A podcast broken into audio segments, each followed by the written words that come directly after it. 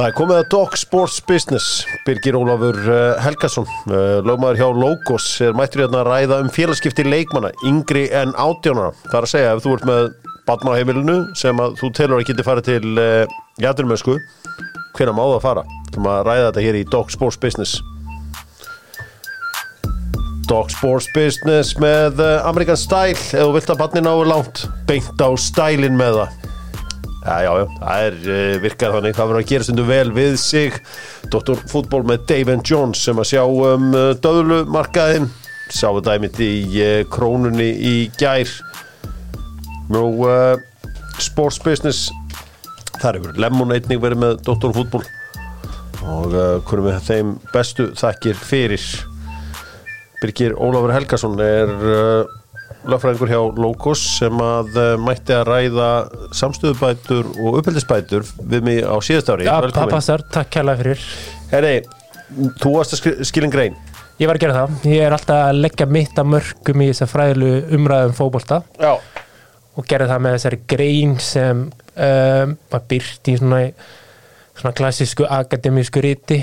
Og greinirinn fjallar um einmitt sem kemur inn á félagskipti leikmann sem er ekki orðin 18 ára. Já, og við erum alltaf með alltaf að horfa á þessar félagskiptareglu FIFA sem gilda bara um allan heim gilda á millilanda þegar leikmann fer frá Íslandi til Breitlands eða þess vegna frá Þískaland til Ítalíu og þess háttar. Sko áður en við förum að mikið lengra þú veist, ef við förum og skoðum Mount Rushmore íslenska fótbollans er þetta allt gæðir sem hann farið út átjón eða yngri en átjón eða þú veist, svona, ef, við, ef við bara tölum þessu augljósu Áskir Sigurvins fyrir þetta standa líðist en átjón og uh, Arnó Guðjónsson hann fer ég held að sé skrifa undir dæna ára 17 ára og svona telli sem belgi. Já. það verður allt geðbila milli hans og eða sem pappans og vikings á sínum tíma.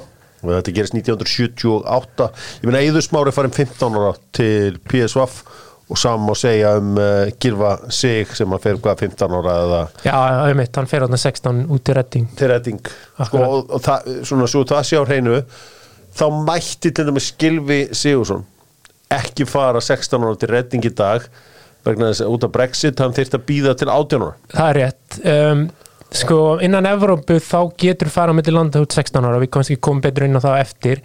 En eftir að Breitland gekk út úr Evrópu samstarfinu sem er þá ESB og EES Já. og Ísland er náttúrulega hluta EES þá þurfa leikmenn í dag að býða þannig að vera 18 ára til að komast inn á ennska markaðin sem setur náttúrulega England og Breitland bara yfir höfu frekar erfiða stöðu upp á þetta að gera. Já, ég man eftir til dæmis með Ísak Bergmann. Það voru oft verið að tala um að Úlfarnir hefðu áhuga á honum Já, það sem að var alltaf byrju, heyrðu, Úlfarnir geti ekki tekið hann, hann er ekki 18 ára. Það sem ég sé fyrir mig svona sem loophole í þessu eins og segjum að Manchester United sé okkur góðan frakka. Setjum hann bara í nýs í eitt og hálft ár veigum það líka. Já, hugulegt að vera þar. læti bara Radcliffin hendur hann til nýs og svo hoppar hann yfir til United um daginn sem að vera 18 ára. Já, verður ekki hægt að finna alls konar leiðir? Ég minna City á fullt af liðum Todd Bowley og hans samsteipa er að sérna safna liðum og, og þú veist, er þetta ekki góð leið til þess að komast fram hjá sem fyrir ennsku liðin? Já, klálega líka bara upp á það að gera þú ert bara með x marga leikminn í úlingastarfinu þínu og þá er náttúrulega fínt að vera með svona, svona feeder clubs hér og þar eins og City þar sem Já. hægt er að geima menn og æfa á upp og svo færa á yfir þegar því kemur sko. En þú nef, fóst að nefna nokkra góða íslenska leikminn sem hafa farið snemma út Já. og sér það til dæmis með smára hann fór samt aftur heim mm. en reyndar vissulega lendi í slæmi með Íslum og annað sko en, en þetta er náttúrulega rosalega hvað sem erfitt umhverfi getur verið fyrir ungan leikmann sem er að fara út uh, á 16. ári eða 17. ári þar að segja út í einhverja akademi sem allt er stærra og meira og, og jafnvel erfiðara að sjálfsögðu ég veist svona af þeim sem hafa farið barnungir til eh, Englands þá er eini sem er svona meikaða, meikaða, meikaða er í raun og veru gilfi hins vegar er það þannig og við ábyrðlega eftir um að ræða þetta eftir ef við skoðum með Jóa Berg þegar ég er í breðablikanum 2004, 5, 6 eitthvað að þá er ég margótt búin að heyra mér að gæja. Og það var oft búið að tala um hann á æfingum að hérna mamma sem var að vinna hjá Bögi og hann var að æfa með fulla með Chelsea eða eitthvað álíka. Já, akkurat. Ég meina eins og fyrir Jóa Berg ef hann var í 14 ára í dag, leikmaður breðabliks uh, og mammans eða pappans var að fara að vinna í Breitlandi má hann fylgja með og má hann fara að æfa eða hvernig virkar þetta? Já, hann, hann mætti það og, og hann er náttúrulega bara aðtilsett dæmi að því að hann náttúrulega bjó hann í London og, og var bara í fúlam held í tvö ára svo og hafði eitthvað eftir með Chelsea Mm. enda að fara aftur til Íslands gera mjög vel þar með breyðablík og fór þá út til Holland sem það ekki, til Asenda og jú, klálega eru reglurna líka þannig að þó við séum einhverja svona aðal reglu um að leikmar þarf að vera án 18 ára þá eru alltaf undatekningar frá slíkum reglum. Og við erum búin að nefna hérna innan Evrópu þá er þetta lækkanir í 16 ára sem er bara beinteint bossmann málinu sem þýðir það að þurf- þarf að taka tillit til regluna sem gilda innan Evrópu. Og leikmenn getur orðið launamenn eða fólk getur almennt orðið launa fólk 16 ára þá er ekki hægt að segja við Íslending, íslenskan ungan leikmann. Eru, þú ert 16 ára komið með samningstilbúð frá Noregi eða Svíþjóð þú verður því mér að býða þá getur 18 ára. Það gengur ekki þannig, hann auðvitað má verður að hleypa hann áfram. Það er bara að gangi yfir ganga framar. Mm. þannig að þú ert að pæla með þessu er hvað er foreldraðinir og þú eru bara ágættis fólk sem er bara í ágættis starfið í Íslandi og á 13 ára gutta sem er mjög efnilegur. Um, fá svo starfstilbúð frá einmitt, Bauji grúp í Bretlandi, í London. Má leikmann ekki koma með og, og flytja og, og fá félagskipt til félags í, í Bretlandi? Jú, það má sannlega enda er leikmann þá ekki að flytja út af knaspinnilegum ástæðum, hann er að flytja út af fóreldur sínum. Og það er svo litið svona líkilatri í þessu.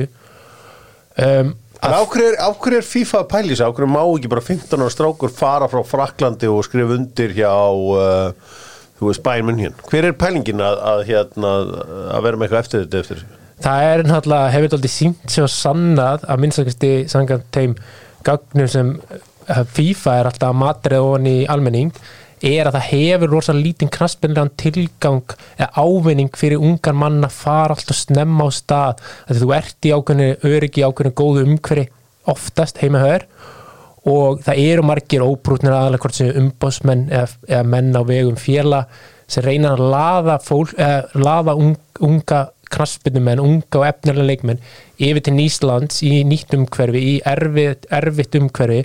Og ef það gengur ekki upp þar, hvort sem það er innan hálsárs eða einsárs, þá eru leikmenn oft bara skildir eftir þar líka við á götunni. Og, og þannig var það oft hérna árum áður. Og þá voru þeir ekki með neina úrræði til að snúa aftur til heimalandsins eða svo leis Já. og þetta er náttúrulega bara önnur umræði skilur, er, er, er rétt að setja einhver mörg við það hvena leikmann má fara með til landa? Eða áheimitt bara 15 ára gutt að geta farið hvena sem er? Mm. er þetta person, personubundi líka hversu hardgerður viðkomandi er eða hversu tilbúin er, hann er í þetta umhverfi. En, en já, eins og til að svara spurninginu nána þá er bara hugsunin svo að vernda unga leikmenn fyrir því að vera ef svo má segja misnota er af ábrúnum aðilum Það hlýtur að hafa komið upp í þessu öllu saman. Sko, hvenar, hvenar er, er þessi, hérna, þessi reglu settar með, með 16 árin? Þetta er eiginlega frá 2001 þegar þessi reglugjör núna sem er gildandi fyrir félagskipta félagskipta FIFA, það er eiginlega síðan 2001, já. og ég meina, eins og ég segi, veist, bara kannski bestur leikmaðurinn okkar er eður hann er náttúrulega farin að það 15 ára veist, hann hefði þurft að býða kannski bara aðeins lengur eftir 16 ára amalinu sínu eða hvernig sem hann nákvæm- nákvæmlega. Hann hefði þurft að gera það. Uh, og það kannski skjótað hinn sko að jafnvel þó að einhverja reglur hafi verið settar hann 2001 þá var eftirlitið mjög af skortum skamti lengi vel af því að fram til 2009 þá var það bara í höndunum á knaspinu samböndunum að samþykja félagskipti ef það var Íslandingur til Hollands þá bara ga- gaf Ísland KSC það og svo hollenska knaspinu sambandi en í dag þarf FIFA að fá sérstaklega beðni um slík félagskipti og þarf bara að samþykja það eða hafna. Og það er náttúrulega að setja stöðuna bara, gera stöðuna erfiðari, erfiðari fyrir þá sem ætla að svindla. Já, já, ég eins og ég segi þetta, er, þetta, þetta var, er alveg áhugart að pæli í svona setna, ég man ekki hvað, ég held að Steppi Gísla hefur svona 15 ára þegar hann fyrir Arsenal eða eitthvað slíkt sko. Já, og, og menn voru mjög ungir að fara þarna út og, og ég meina, auðvitað er þetta alveg eðlilegt að Júfa vilja fylgjast með því hversu gamli leikmenn eru sem að velti í hins vegar fyrir sér og eftir þetta. Það er maður ekki sem tala um alltaf um sko brjálaða pappan sem að vill að barni verði aðurum að sko. Og í mínu tilviki þá hefur það yfirleitt verið mömmunar sem hafa verið æstari sko Já. sem, að, að því sem ég fylgst með sko í gegnum tíðina sko. Um, gerist það aldrei að það sé verið að reyna að reyfa leikmann fyrir 16 ára og svona plat job fyrir annan fóreldrin eða hérna, fyrir fóreldrana eða eitthvað slíkt? Jú, klálega og hann að maður hefur nú bara séð ímis dæmi þess efni, skort sem það er leikmaður sem er að koma frá utan Evrópu, inn í Evrópu eða á milli Evrópu landa ef hann er það efnilegur og hann er ungur og samkeppnin orðin það mikið í knaspindinni Já. þá hafa félögin, alltaf stóru félögin haga því að reyna að ná honum sem fyrst. Ná honum sem fyrst í njúlingastarfi sitt til að geta móta hann, slípa hann til svo hann verði bara harkjarnar leikmann fyrir þá í framtíðinni. Mm. um, við erum til dæmis með Óskar Bob sem spilar í hérna, Manchester City í dag, hefur verið að fá einhverja mínútur á þessu tímanbili og hann er ekki nema tvítur, fættur 0-3 eða eða 0-4 annarkvort hann til dæmis móður hans vissi snemma, hann væri mjög efnilegu leikmaður Já, og hún sá bara tækifæri því að, að, að, að sækja á, á, þa, á þann pól að gera leikmannin að atvinnumanni. Þannig að hún flutti snemma til Portugal undir þeim formerkjum að hún væri sko að gerast leikona í leikhúsi þar í bæ eða í já, borg. og reyndal að fá leikmannin skráðan í Porto. Það ringdur náttúrulega viðurinn bjöllur hjá FIFA.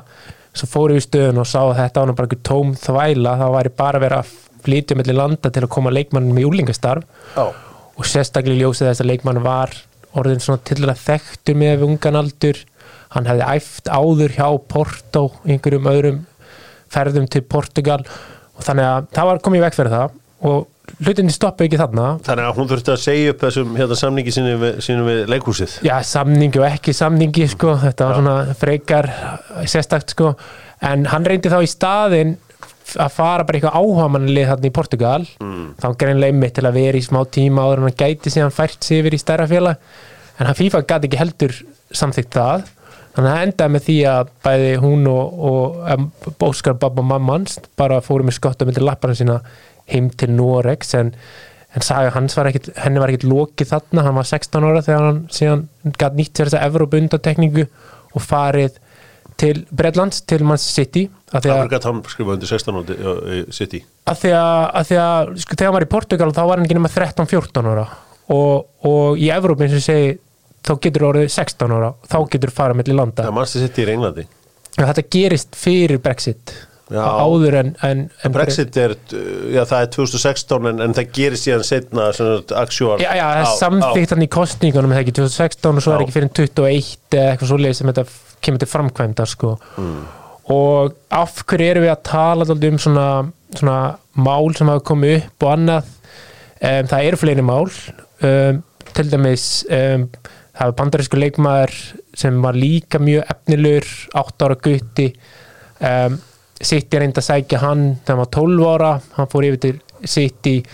Uh, þeir sáu snemma að hann var ekki að fara að fá félagskipti þannig að hann fór hann til Hollands Ajax reyndi að fá hann hann fekk ekki félagskipti þangað. Um, og alltaf það er á, ástæður sem fóreldrar hans gáfu eða eins og segi móðarins, þetta er alltaf mömmurnar að hún væri að ít undir, undir fjölminningalegt uppeldi í hinum þessum löndum. Uh, hún, væri að, hún væri með eitthvað svona hvað segir maður, netrekstur í gangi gæti unni hva, bara rafrænt bara remotely má sletta um, þetta er náttúrulega var rosa lefnum leikmaður. Hann gæti hverki fengi félagskipti bandarísku leikmaður 12-13 ára. Þannig að hann í dag enda á því að, vera bara að spila. Hann er ennþá að spila en er bara að spila einhverju neðri delta bolta í Hollandi. Sem segir manni, jú, er hann ekki kannski dæmið sem leikmann sem hefði geta notið góðs að því að komast í akademíu snemma? Að því að staðan á honum er ekki góð ef við förum út í það sko. Um, þannig að það er klálega þe- þessi dæmi um, um sem við erum að sjá hérna um allan heim eða alla Evrópu að félög er að reyna að bjóða fóröldurinn gull og græna skó. Ég meina það var allir heyrt um þú veist, strákin sem skrifur einhverstaðar undir og pappin fær að vera þjálfar einhverstaðar þetta er akkurat. oft mjög algengt að þetta séu sínir fyrir um fótboltamanna eða, eða einhverja sem hafa verið að þjálfa í liðum eða eitthvað slíkt, þegar hérna hún fær díl og ég meina, ég meina, kannski besta dæmi ég meina Ágúst Linsson fór mjög efnilegu til Norvits frábær, hlinur pappa sem góðu þjálfari þú veist, þeir tóku hann með. Einmitt, og líka, þú veist, þegar þú ert færið svona unga strák þá viltu vænt til að hafa fóreldrarnir hjá þér. Já Þú klálega veist, þetta er eitthvað sem að hérna hefur, held ég allan mig minnir að þetta hafi verið svona einhvern veginn, einhvern veginn svona. Manstu hvað hann var gamall þegar hann fór sko, hérna? ég held að hann var 16 ára. Já, þá passar það, þá er það allt í lægi og auðvitað vilja uh, gera félögur það meira spennandi fyrir leikmann að koma t- í úlingastarfi ef, ef pappin getur komið með og fengi hann að að þjálfa, að stilla upp keilum eða gera annað, ekki það, hann hefði endilega bara verið að því, hann hefur örgulega verið að sinna hinn Bara hörkuþjálfari. já, ekki spurning sko. en, en leið og þú ert leikmann er ekki komin á aldur mm.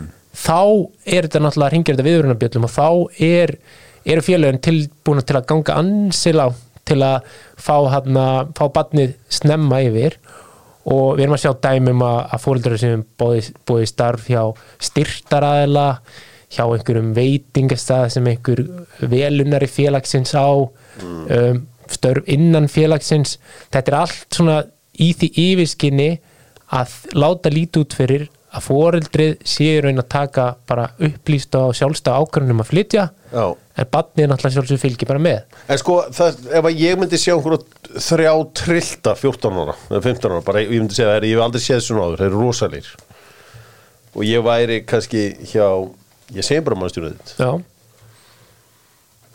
þá myndi ég náttúrulega fara með á til mannstir, ég myndi ekkert skráða nei, Er það ekki hægt að gera, ef þú veist, það er nokkuð að skráða get ég ekki bara farið með þá yfir?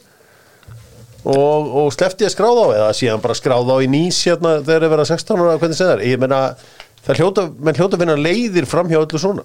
Þú ert að meina ef þú bara tekur þess að gutta með þér til, til Bretlands og þeir búa bara í Manchester og æfa alltaf í Manchester United Já, já, og svo geta við spila einhverja æfingaleiki. Ég Já, get já. sett upp leiki fyrir þess að góðra Já, það væri náttúrulega bara uh, góð leið til að komast fram hjá reglunum. En þér að segja þá er þú ekki fyrsti maðurinn sem hugsaður þetta. Mm. Ok. því Chelsea hafa gert þetta og gerðu vilt og galið að þeir, þeir voru að sækja menn Ég eh, og Róman, ég og Róman. Já, þeir eru líkir. Það er að klára bæði í útlit og hugsun Já, já, að- Nei, byrju, hvað sér, þeir voru að, voru að fara fram hjá sig Já, já, þeir, þeir eru sko síbrótamenn hvað var þar að sækja efnilega unga leikmenn. Og Bernard, Bernard Traore Já. Burkina Faso. Jú, jú, er hann ekki Aston Villa í dag? Hann var ekki á láni í fyrra þú var í Ajax já, já, sá- akkurat sá, sá gæ nei, nei, þeir eru tveir held ég. Getur það ekki verið? Já, ég þekki alveg Bernard Traori Þetta er, er strákurinn sem var í Chelsea og fór síðan á láni til Ajax að spila fyrir ok. Burkina Faso. Einmitt, einmitt, það passar. Hann var til dæmis bara fenginn hann 15 ára til London Mm. og aldrei skráður í akademinu hjá Chelsea fekk laun bara samkvæmt ráðningarsamningi æfði vel og spilaði mynd eins og þú ert að vísa til æfingaleikina, einhvers, bara æfingaleiki. Mm. gæti náttúrulega aldrei fengið skráningu þegar maður er ekki alveg náða gaman og hann bara var hann að bjóða í London í þrjú ár. Svo loksins fekk hann skráningu 18 ára skilju, þannig ertu auðvitað bara að fara fram hjá reglunum og reyna í raun að sækja leikmann of snemma um, til að setja hann í, í úlingastarfið þitt. Og það því miður einhverju tilvíkum þá er þetta bara ekki gengur þetta ekki upp fyrir leikmannin og, og þá er hann kannski bara í mjög erfiðri stöðu. Um, þetta er náttúrulega bara ein, dæmi um eitt leikmann. Chelsea gerði þetta sko vilt og galur þannig tugi leikmanna sem náttúrulega enda með því að bæði enska knassbyttsambandi og FIFA um, komist hún á snóður um þetta og að lokum voru, voru Chelsea settir í félagskiptabann eins og kannski mannst ég heldur að við uppalega fengið tvo glugga í bann en það endaði með því að þetta fór fyrir kas og það varð einn gluggi í, í eh, niðurstaðan fyrir þá.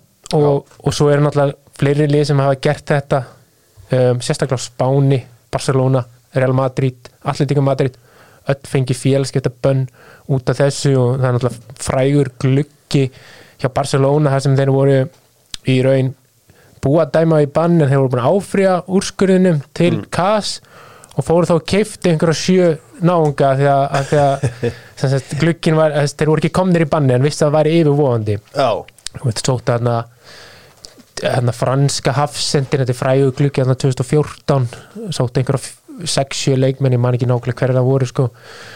Manns ekki eftir að Matteo, Jeremy Matteo franski hafsendin sem kom frá Valencia.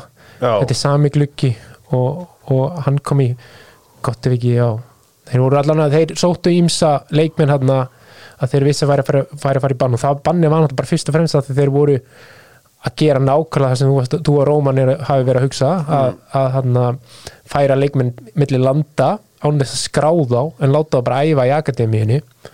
Um, og það náttúrulega endar ekkert alltaf vel.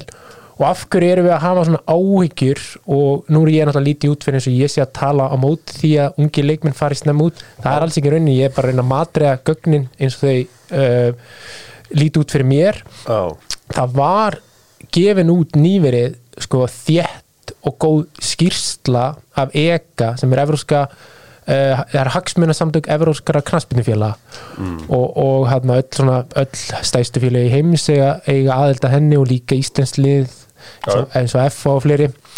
Um, þarf að vera greina félagskipti ungra leikmann innan Evrópu. Þá á grundalli þessar undatekningu um að leikmaður uh, má vera 16 ára. Eh, þarf ekki að vera 18 heldur 16 og þar eru þetta sláandi tölur sem kom í ljós og það var tekið í tímabil 2011 til 2017 Já. Og við skulum nota benni tala um það að það eru 200, yfir 200 félagskipti 16 ára leikmanna á hverju ári. Í dag er þetta orðið 350 félagskipti á hverju ári þess að liðir að færa leikmenn á milli landa. Og þeir sem hafa mest verið í þessu eru Ítalja og England. Mm. Flesti leikmenn fara til Ítalja England. Já, við erum svo sem kynst þessum ítalska markaði hansi algjörlega. vel að undanförnu. Um, en englendingarnir eru náttúrulega í erfiðari stöðu núna eftir Brexit að þeir get ekki gert þetta, get ekki sótt 16 ára leikmenn þurfa að býða til 18 ára aldurs. En af, af hverju kem inn þessar skýrslu og þessar tölur í henni? Jú, í, í skýrslunni kemur fram að 54% allra leikmanna, helmingar öllum leikmenn sem fara 16 og 17 ára í atvinnumennsku, þá við að tala um í félag sem er betra en þeirra uppbyldisfélag þeir snúa aftur heim til sín. Um, sem seg, segir okkur það að það er eiginlega klókt hjá stóruleganum að taka frekar tvo leikmenn fyrir ekki einn. Mm. því annar þeirra mun mögulega verða eitthvað úr en hinn ekki. Og hvað gerir redding á sinni tíma, jú, þeir sóttu Gilva sig og Viktor Unnar í einu pakka. Já. annar snýri heim. Hinn varð eftir og, og var náttúrulega frábær landsinsmaður Já, ég, sko, ég heldur þetta sko uh, Gilvi kom árin áður Var það svo leiðis? Já, Gilvi kemur semst 2005 og um, uh, Viktor fer 2006 það er árs Já, það er, eru 89-90 já. Þeir eru 89, 90. Einmitt, ok. og um, já, þeir, þú veist, ég meina En voru ekki búin að fara saman að æfa hérna einhverju reynslu tímum það, það, má, það má vera en, en eins og ég segi, það er mjög algengt að þessi bestu leikmenn þeir komið aftur heim tilbaka en ef við skoðum samt eins og bara besta leikmenn okkar í dag Albert Guðmunds, hann fyrir 16 út ég menna, ég veit ekki hvað hérna, K.R. fekk fyrir hann en þetta ætti að vera okkar verðmættustu leikmenn. Dýrasti leikmann Íslands frá upphafi er líklega Kristján Hlinsson og hann er frábær, hann er hjá Ajax. Það var talað um einhverstaðar 800.000 eurur sem hann kostaði frá breyðabliki Já, það er endur það er, já, ég meina, þú veist, þetta er leikmann sem ætti að kosta 3 miljónu eura þú veist, í dag, þú veist, hann fær ekki neitt á milli liðar við erum fyrir miklu meiri peninga en þetta. Um, sko Kristján, Kristján Hlinsson, þú veist, maður maður bara velti fyrir þessi eins og með hann, þú veist, þú veist með svona svakalega efnilegan gaur á heimilinu ég meina, hvað má fjölskyldan eiga mikið peningi í honum, því ég gef mér það alveg til þess með svona, þetta er þú veist, fólki í kringum, hann veit hellingu fótból og allt slíkt, ég meina þau hljóta að fengið 20-30% í sölni á, á hérna á Kristján. Þú heldur að fjölskyldan hafi notið svona fjárhagslegs ávinnings af sölunni. Já, menn, hann, hann væri bara stúpid. Já, þetta er náttúrulega er ekki lefilegt í, á Íslandi, með samning þá máttu eiga 10% í sjálfu þér. Þar að segja, ef þú ert seldi fyrir 10 miljónir þá máttu taka miljón í vasan en í FIFA-reglurnar eru þannig skrifaðar og, og með þeim hætti þetta breytist á síðustu árum að þriðja aðli má ekki hagnast á félagskiptum, má ekki eiga hluti í þér. Og þá er það til dæmis foreldri ef leikmar er seldu frá bregðablík til Ajax þá má þriðja aðli sem er foreldri ekki taka við greiðslu af því.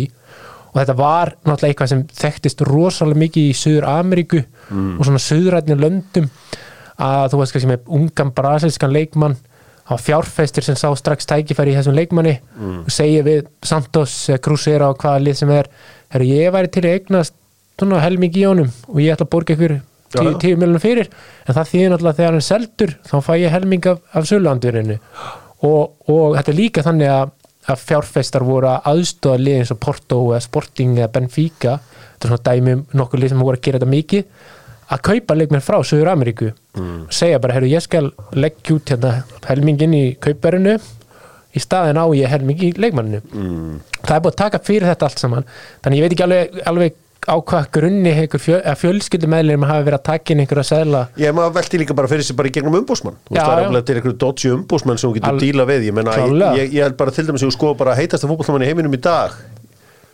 uh, Þú veist, Erling Haaland. Þú veist, hérna, hann deyr hann hérna, Menn, þeir, Það er einhver ástæða þegar þeir skiptið við til Rafaelu þarna, af því að þeir, eru vantalega fengið besta dílinn í henni. Já, hún var aðstofakona Já, já, hún, hún sem fór úr fyrirtekinu og Já, þeir já. fóru með hún, þú veist, þeir gátt alveg að fara eitthvað annað, þeir gátt að fara hvert sem er. Algjörlega. Þú veist, hún var bara lögfræðingur hjá hérna Já, um, þannig að það er það er ansi, ansi miklar um, þú veist, það er ekki óalgengt líka að fjölskyldur svona nánast, nánast umbósmenn leikmann sem sjáum að vesti umbósmaður í Európu bróðir Harry Kane. Já, hann er frábær. Hann náttúrulega bara kúkaði á sig hérna 2021 Já, já með sitt í Já, þegar hann gerði þarna þetta munlega samkomulega þarna og bara lefi í, bara bakka hann saman. Já, já, var ekki, var ekki bróðir Ronaldinho líka frændans alltaf hans Þetta er yfirleitt fjölskyldur í, í Já, þessu öllu að, saman að þeir get vita að þeir geti fengið fengi vel greitt út Mm. af félagsgetunum en það er líka ennur og skemmtileg umra það er náttúrulega nýverið búið að setja mjög svona strángar umbóðsmanna reglur sem er til dæmis eh, settar í þeim tilgangi að setja hámark á þóknun til umbóðsmanna vegna félagskipta. Mm. og þetta er, það er alltaf allt brjála náttúrulega í svona, þessum umbóðsmanna heimi út af því að það mennur ekkit sáttur um að geta ekki lengur fengið 100 miljónir en þurfa núna að sæta sér við 10 eða, eða, þess að og, og þannig er náttúrulega FIFA svona að fara inn á, inn á svona atvinnufrelsi þessar umbásmanna og segja, við, segja, bara við að herru vinnur, þú getur ekki tekið endalist inn í eigin kassa sko út af félagskiptum, nú þurfum við bara að segja stopp sko. Og þannig að þessar greiðslu sem hafa verið úr öllu valdi mörg ár eru svona aðeins kannski að gringa. En við þurfum alltaf að sjá, veist, það er verið að reyna þetta fyrir alls konar dómstólum, hvort þetta geti staðist í raun sko. Þannig að það verður frólægt að sjá hvernig niðurstaðan í því verður sko. Já, þannig að það er hérna, þú veist, við getum farið líka, semst, ef við varum ekki í ES, þá þeirtu að býða til átjum. Já, Þú veist eins og bara leikmann frá Afríku og það var svo sem alveg þekkt að þeir áttu auðveldur með að fara inn í Frakland heldur en til Englands, það var búið að skáta og 17 ára stráka í Afríku eða 15 ára eða hvernig sem það er. já, já, En það var erfiðar að koma að í Bretlandi. Einmitt. Uh, ég meina, Didi og Drogba hefur sagt frá því sko að þú veist, það var bara ekki hægt að koma um að í Englandi þegar hann var úlingur sko. Uh, ég meina meina Brasilíumenn eiga mjög auðvelt með að rölt inn í eh, brasilíski drengir eiga mjög auðvelt með að rölt inn í Portugal Já, heilu liðin, þú skoða bara leikmannlistan og það er bara brasilíski fánin þar í hérna. Oft, oft er ástæðan sko fyrir því svo að þessi leikmenn eiga rétt á vegabrifi frá evrósku landi eins og segir með brasilíska leikmenn þeir eru oft með tvöfaldi ríkisfang þeir geta verið með Portugals uh, vegabrif frá ömmu sinni eða afa Já. afríski menn, leikmenn er með franst vegabrif einhver hluta eða stík Já, Belgíu, Frakkland. Belgíu, Frakland Portugal kannski. þannig að legur kom með svona vegabrif frá Evrópu þá getur þú hoppað yfir 16 ára mm. en ef þú ert ekki með neitt slíkt í höndunum þá verður þú bara bíðan til 18 ára og þetta er náttúrulega líka kannski opnar þá spurning, er þetta sangjart að innan Evrópu þá getur þú fara á milli ríkjana 16 ára en ef þú ert utan Evrópu og ert ekki með vegabrif frá Evrópu þá þarf þetta að býða í tvö, tveimur án lengur til að koma að. Stað og ég kannski kom inn á áðan að- að tölfræðin er daldið að sína að það sé kannski ekki alltaf gott fyrir það að fara og snemma á stað sko. En einhver síður ef þú veltur þessu fyrir út frá sangirni þá er, þá er nú ímyndandi bendið þess, til þess að það er ekkert mjög sangjart að, að þurfa að býða tveimur ámur lengur en, en, en jafnaldriðin til að komast í alvöru knaspinu umhverfi um, og í tengslu við tölfræði enn og aftur um, þessi, þessi, þessi, þessi 54% hann tölfræði sem segir að, að helmingur allar leikmann snú aftur heim, heim til heimalands mm. ef þú tekur inn í þetta leikmennar sem eru ekki atvinnumenn við 23 ára aldur, þar að segja Já. annarkvort búin að snúa heim eða eru bara ekki atvinnumenn við 23 ára aldur þá er tala 80% samtals þannig að það segir okkur það hversu erfitt umhverju getur verið er fyrir unga leikmann. sýnur okkur hvað talent valuation sé er, er erfitt. Ég meina, ég horfi stundum á þetta U17 lið okkar sem er drengi fætti 90 sem fór á fyrstast lið í lokakefni mikið af þessum strákum voru bara hættir í fótbolta svo þú veist, 5-3 ára setna og skoða bara þessi yngri landslið og talent valuation ef við horfum aðeins út frá bara þú veist, út frá þinni eh, hérna þinni grein sko áhugaverðasta case allra tíma og verður aldrei toppað er Freddy Adu. Já, hann var bara eftirsóttur 13 ára og hvernig gáttu svona margir haft svona rámt fyrir sér? Það er ótrúlega merkilegt dæmi og hann er sko komið einhvern samning við hérna Nike upp á einhverja gamla góða miljón dólarar samningin sko af því að það, það, það voru allir bara vissur um þetta væri the next big thing. Og hann- svo kemur í ljós að Guðurinn getur ekkert. Nei. Ég man eftir þegar hann fór á reynslu tíma hérna hjá United. Já, ég meina, hann bara ferðaðist um alla klúpa Já, já, já. Endaði hann í Benfica um tíma og annað sko og svo var hann ekki í Finnlandi og eitthvað svona Já, já, svo bara fyrir stórskrýtnu- að molna út úr þessu. En já, já, hann hvernig gáttu allir haft svona rátt fyrir þessu?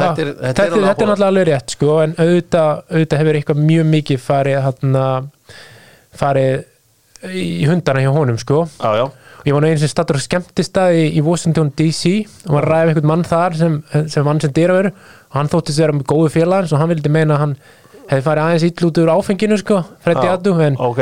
en ég veit já, ekki já, hvað það ég er meina, það spila getur vel verið. Ég meina, en, en svona, svona er þetta bara. Þetta er, þetta er, þetta er, ég skil Júfa alveg að vilja passa þessa drengi, ég meina en að samaskapið þegar þú ert með eitthvað svona afgerandi að leifu nú að fara, ég held að Kristján Hlisson hafa verið 15 ára. Já, hann, hann verður að vera 16 en og hann er að nema, Amalur Stein. Já, já, já, og, akkurat. og svona strákur hann hefur ekki á Íslandi að gera 17 ára. Nei, hann, hann er bara það góður að hann þarf bara að fara út. Það þarf að finna verkefni með æfi, Albert Guðmundsson er það góður í að hann hafði ekkert að gera einna 17 ára nema þá hann þurfti að vera besti leikmann í káir eða hvernig sem það er. Akkurat, en það er líka ekki tilgangur með reglunum þú ert klálega með þess- þessar exceptional talent eins og Albert Guðmunds og, og, og Kristján Hlinsson en reglunar er að reyna að koma í veg fyrir það að félögin taki mitt fjóra gæja en vita bara einn er frábær skiluru og hinn er þrýr enda bara í, í duftinu ef svo má segja og koma illa út, út úr þessu. Getum líka tekið Inga Sig sem dæmi hann var náttúrulega ótrúlegt efni ótrúlega auðvitað, er alltaf frábær fótboltamaður yfir höfuð. Hann var snemma byrjaði að, vekja aðtegli hér og þar og, fóru náttúrulega 14 ára til herefin, ég var ekki að skoða þetta um daginn. Um, hann snýri aftur heim fór aftur út, snýri aftur heim og veist, þannig að þetta er náttúrulega þetta er rosa erfitt umhverfi getur verið en svo er þetta náttúrulega spurning um sko, er þetta best fyrir badnið að vera úti eða vera áfram heima? Og þú í þínu þessi tilvíkinn sem þú ert að nefna með Kristján Hlinsson þannig er hann greinlega það góður hann fær ekki nóg mikið úti að vera á Íslandi. Hann þarf bara að komast í annað umhverfi. Mm. það er náttúrulega alls ekki við um alla leikmenn. Meni. þannig að það er bara eins og það er sko. já, já, það er, þá er ég, er að tala um sér exceptional uh, ungmenni sem að hérna, hafa tækifæra á þessu.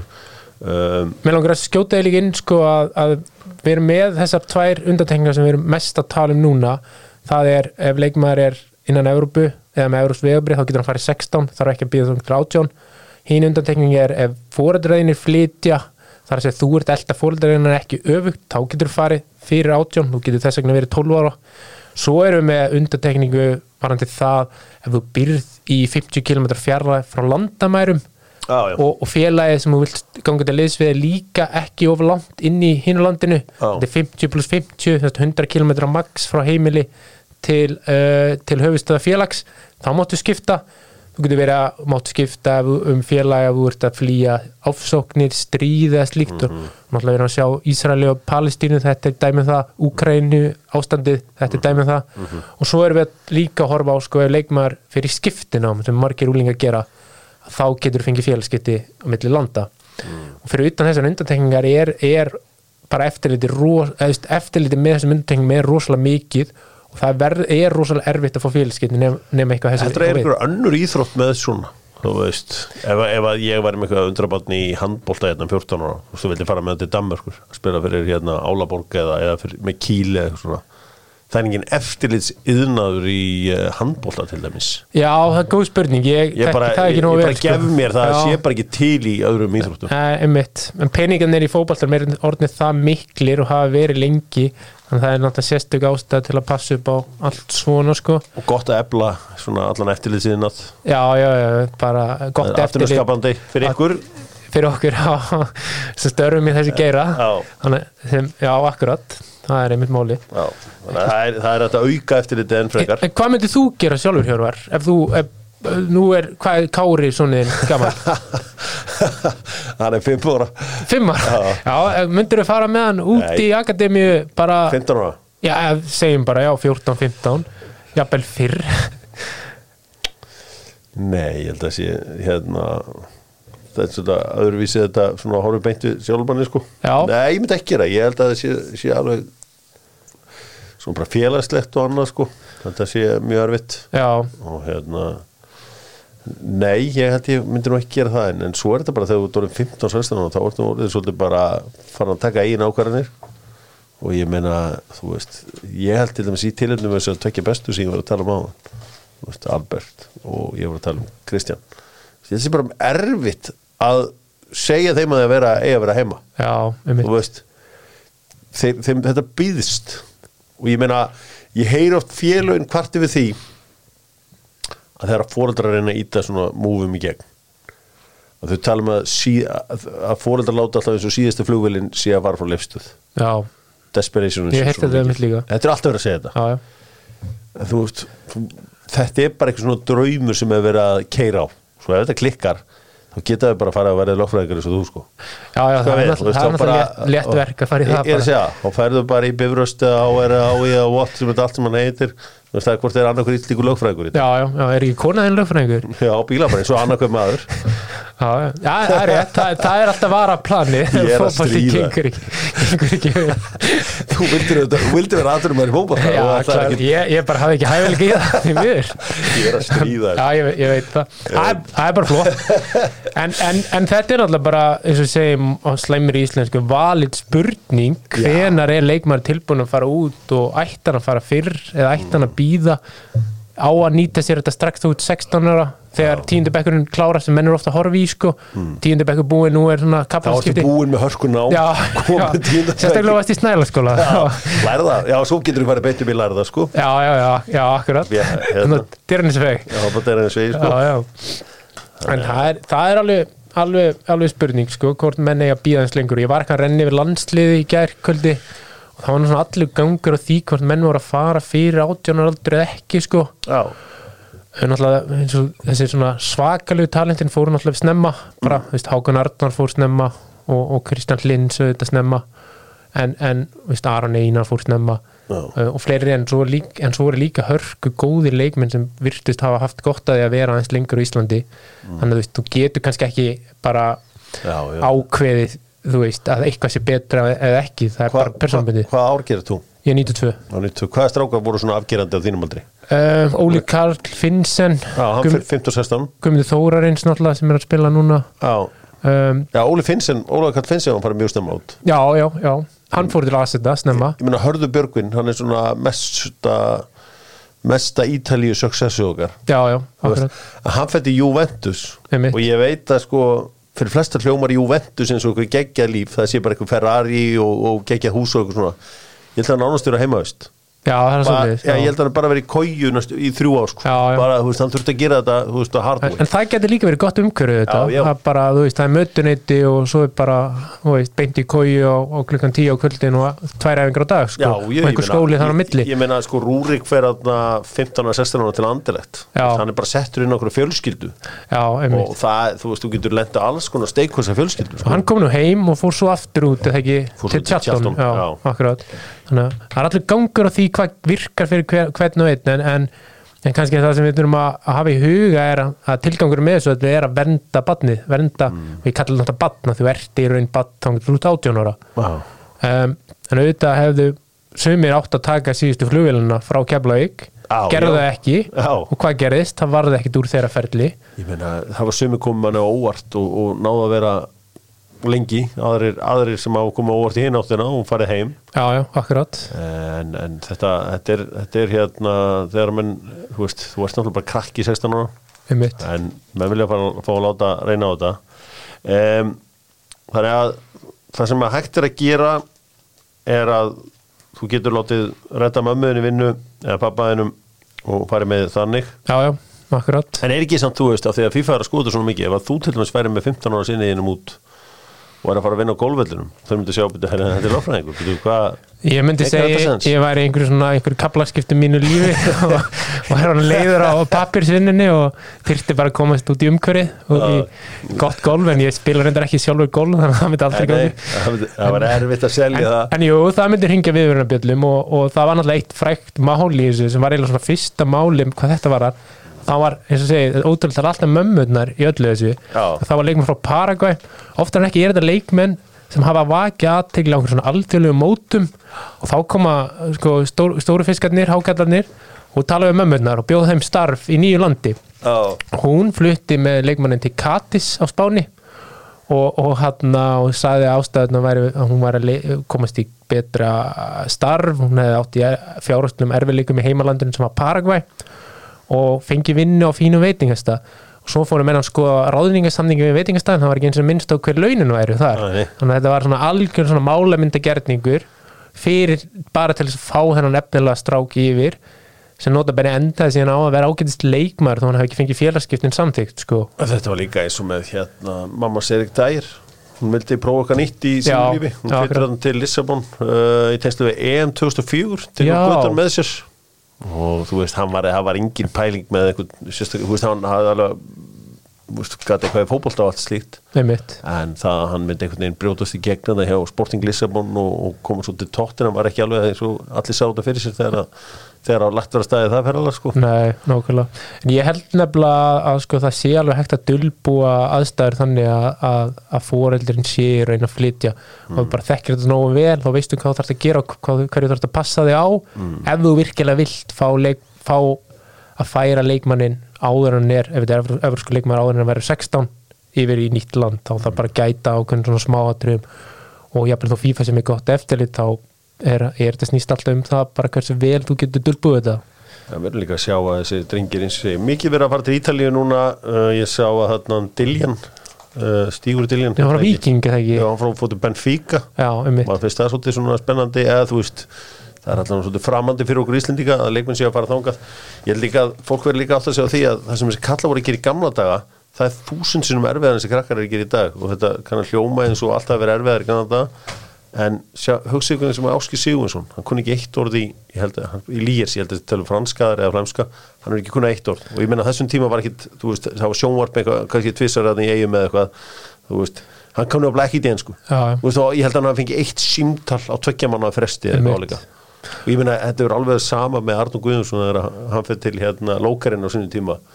Þetta hefur alveg verið svo biljón sinnum erfiðara á þessum tíma. Þetta var líka miklu erfæra að það var útlendingakóti þessum tíma, Já. þannig að þeir þurftu að vera ekstra hæfileikaríkir og góði leikmenn.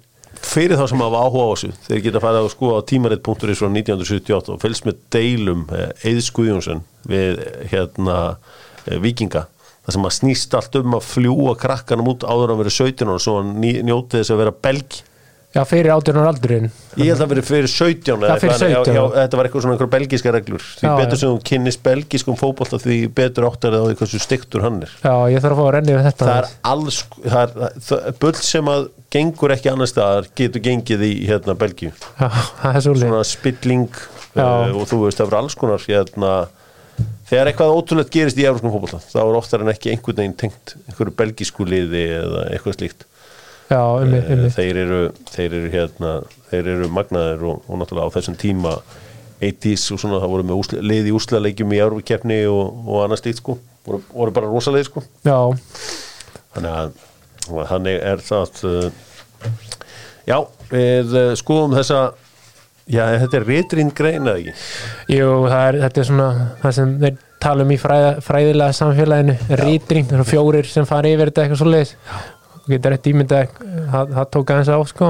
Já, þá verða þær að senda tilbaka til þín og þetta laga Já, eitthvað og aðtöðasemdir og, og einmitt laga og, og þess háttar sko. Svo. já, þannig að kannski skemmtana haldið gild, skemmtana gildi verið minna en, en það er eins og það er sko. En þetta er allan að mín tilhörinn svona til að gefa eitthvað aðeins inn í umræðuna knaspin umræðuna á annan hátt og vonandi fræðandi. Já, það er mjög fræðandi og mjög skemmtilegt að fá þig uh, alveg eins og að ræða hérna samstöðbætnar, það er líka gaman að veist, það er gaman að þessi stóru lið séu að reyna að finna einhverja leiðir framhjá sig eins og þú varst að segja með Bernhard Trári að skrá hann ekki og láta hann bara spila einhverja æfingaleiki Já, já. ég meina mammas Óskars Bob að fara og ráða sig í leikhúsi í Lissabon það er ábyggilega, veist maður hefur oft verið stattur einhverstæri mannstyr og hitt uh, fólk í venilugum þjónustörfum sem maður hefur sett bara að eigi bann í United sko Já, eða.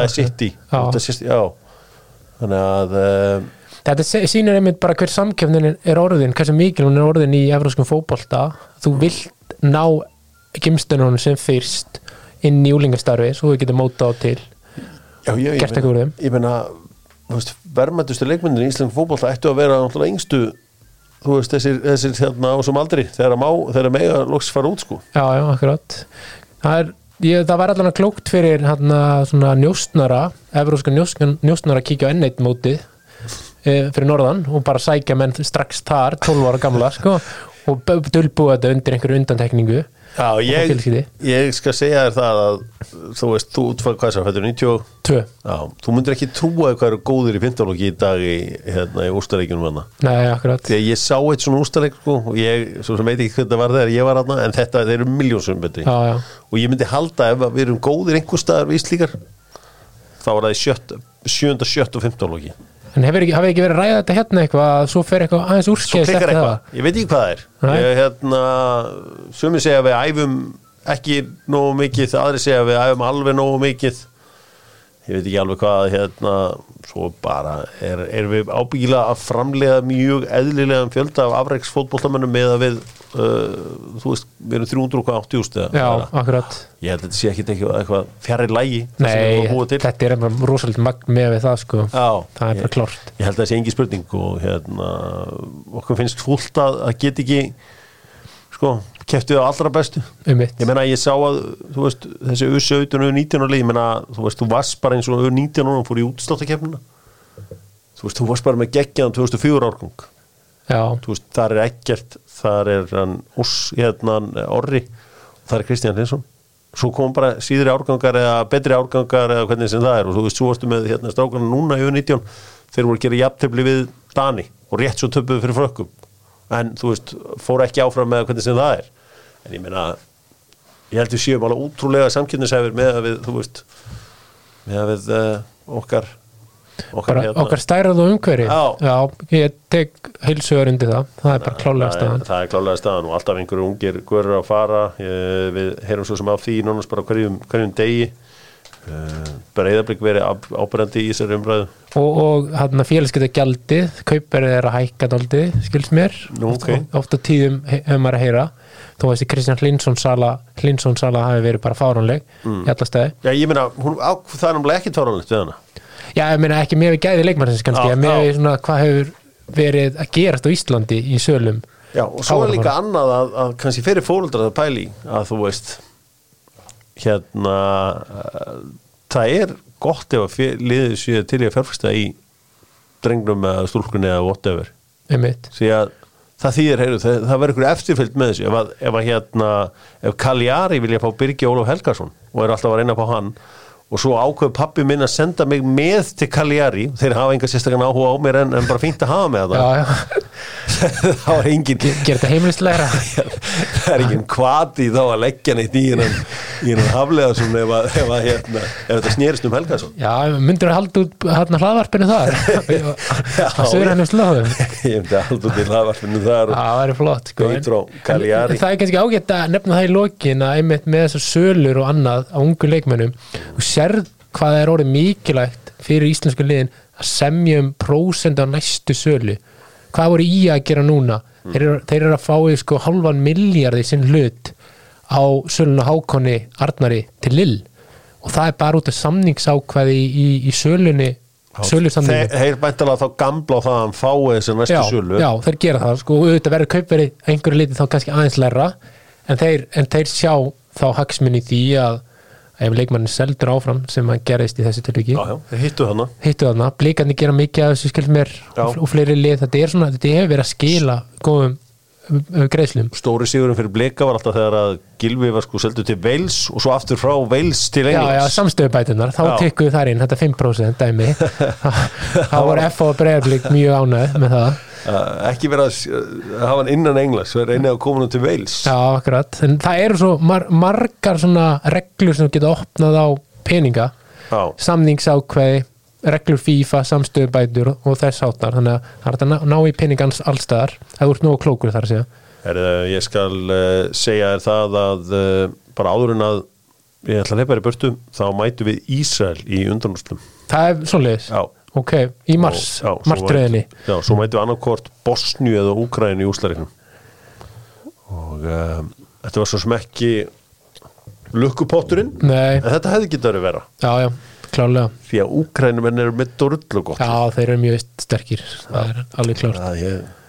Það er sem ég segi en Óge Hóræti er að hræra í súpuna. Já, já, hann er að mixa alls konar dótið það núni og við sjáum til hvort að þetta gangi eftir. Það var reyngarlega gaman að fá þig eh, byggjólur og hérna já komdu sem oftast og skrifa sem mest af greinum því að ég hef gaman að þessu. Já, takk fyrir það, við þurfum kannski að taka umræðum um financial fair play reglurnar við tækifæri, svo eitthvað sé nefnt. já.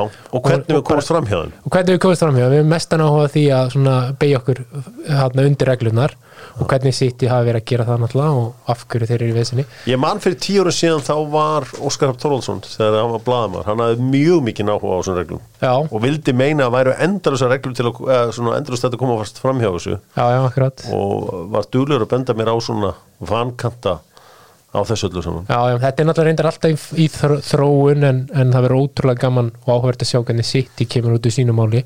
Og það var einhver sem sagði að allir þeir fá ekki bara tíu stíðin sem voru dregin á Everton. Þetta endar öll þannig sko.